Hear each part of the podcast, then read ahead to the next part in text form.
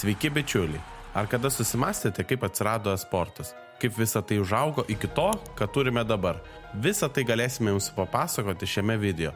Na, o jei patiks, būtinai tai pasakykite mums, o mes paruošime dar daugiau šios temos darbų. O dabar įsitaisom ir važiuojam.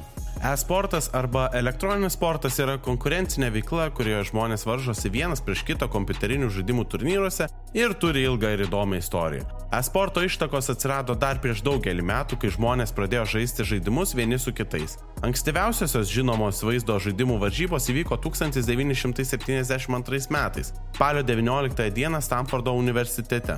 Čia studentai buvo pakviesti į tarpgalaktinės kosmoso karo olimpinės žaidynės ir varžėsi žaidime Space War. Pagrindinis prizas buvo vienerių metų žurnalo Rolling Stone abonementas. Tuo metu nugalėtojais atskirose grupėse tapo Briusas Baumgardas ir Tovaras ir Robertas. Šio laikinio sporto šaknis išdygo visai netrukus. 1974 metais Sega surengė e-sporto varžybas pavadinimu All Japan TV Game Championships - nacionalinį arkadinių vaizdo žaidimų turnyrą Japonijoje. Šiuo žingsniu Sega ketino skatinti vaizdo žaidimų pardavimą šalyje. Turnyrai buvo surinkti 300 vietų visoje Japonijoje, o 16 finalininkų iš visos šalies varžėsi galutiniuose etapuose Tokijoje viešbutėje Pacific. Prizų krepšelis, atsižvelgiant į laikotarpius, nedaug skiriasi nuo šių laikų - televizoriai, kasetiniai magnetofonai ir įvairūs radio imtuvai. Pasak Segos, turnyras buvo didžiausias įvykis arkadinių žaidimų industrijoje. Jame dalyvavo nariai iš pirmaujančių Japonijos laikraščių ir kitų žymių įmonių. E-sportas daugiau populiarumo įgavo 1980 metais, kai pasirodė keli sėkmingi žaidimai tokie kaip Pac-Man, Donkey Kong, Space Invaders ir Galaga. Šie žaidimai buvo populiarūs tarp konsolių savininkų, tačiau juos galima buvo žaisti ir automatuose. Daugelis žmonių susirinkdavo tokių automatų salonuose, kad galėtų pasitreniruoti ir pasiruošti e-sporto turnyrams. Atari 1980 Atari Games. Lots of excitement here. 1980 metais Atari surinktas Space Invaders čempionatas buvo ankstyviausias didelio masto vaizdo žaidimų konkursas, pritraukęs daugiau nei 10 tūkstančių dalyvių visose Junktinėse valstijose. Visai netrukus, 1984 metais, Konami ir Century kartu surengė tarptautinį Track and Field arkadinių žaidimų konkursą, kuriame dalyvavo daugiau nei milijonas žaidėjų iš visos Japonijos ir Šiaurės Amerikos. Šie skaičiai stebina net ir šiomis dienomis.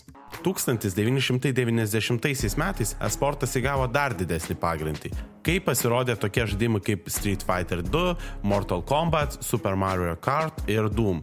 Šie legendiniai žaidimai atnešė visai naujus žaidimų žanrus, kurie tapo labai mėgstami tarp esporto fanų. Vienas iš didžiausių šio laikotarpio esporto turnyrų yra 1990 metais įvykęs Nintendo pasaulio čempionatas, kuris buvo surinktas visoje JAV, o finalas vyko Universal Studios Hollywood, Kalifornijoje. Manoma, kad e-sporto augimai pasaulyje ir ko gero didžiausią populiarumą šiai šakai turinčioje šalyje Pietų Korejoje įtakos turėjo masinis plačiajuošio interneto tinklų kūrimas. Po 1997 metais Azijos finansų krizės didelis nedarbo lygis paskatino daugelį žmonių ieškoti ką veikti. Prie e-sporto augimo Pietų Korejoje prisidėjo ir vėliau visame pasaulyje išpopuliarėjusios interneto kavinės, kurios atsirado ir Lietuvoje.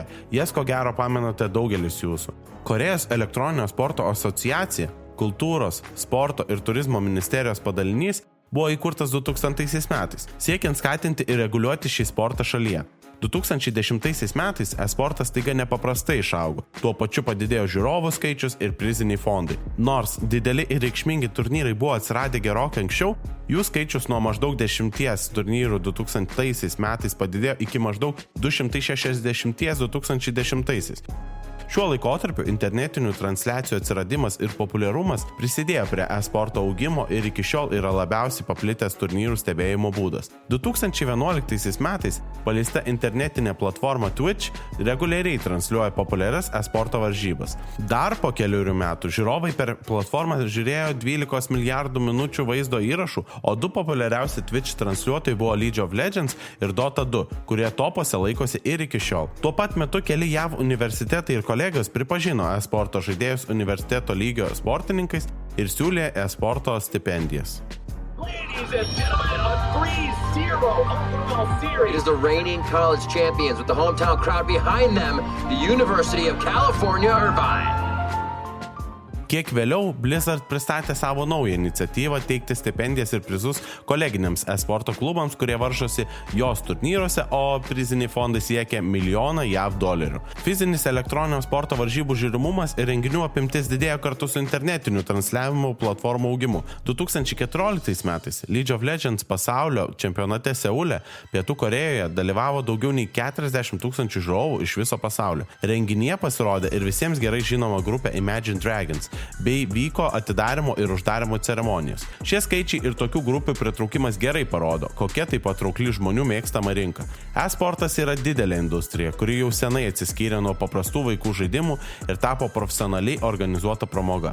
Šiandien e-sportas yra milijardų dolerių verslas su šimtais tūkstančių žaidėjų ir fanų visame pasaulyje. Turnyrai tokie kaip The International ir League of Legends World Championship visame pasaulyje žinomi ir laukiami, o žaidėjai tampa žvaigždėmis, kurių įgūdžiai ir talentas vertinami kaip profesionalių sportininkų.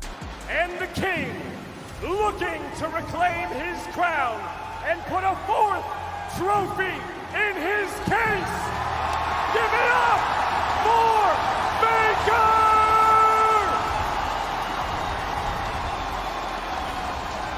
Komandas remia tokie prekių ženklai kaip BMW, Red Bull ar Samsung. Norime pasidalinti ir dar visai šviežią naujieną. Kovo pirmąją dieną Tarptautinis olimpinis komitetas paskelbė savo pirmasis pasaulinės e-sporto varžybas.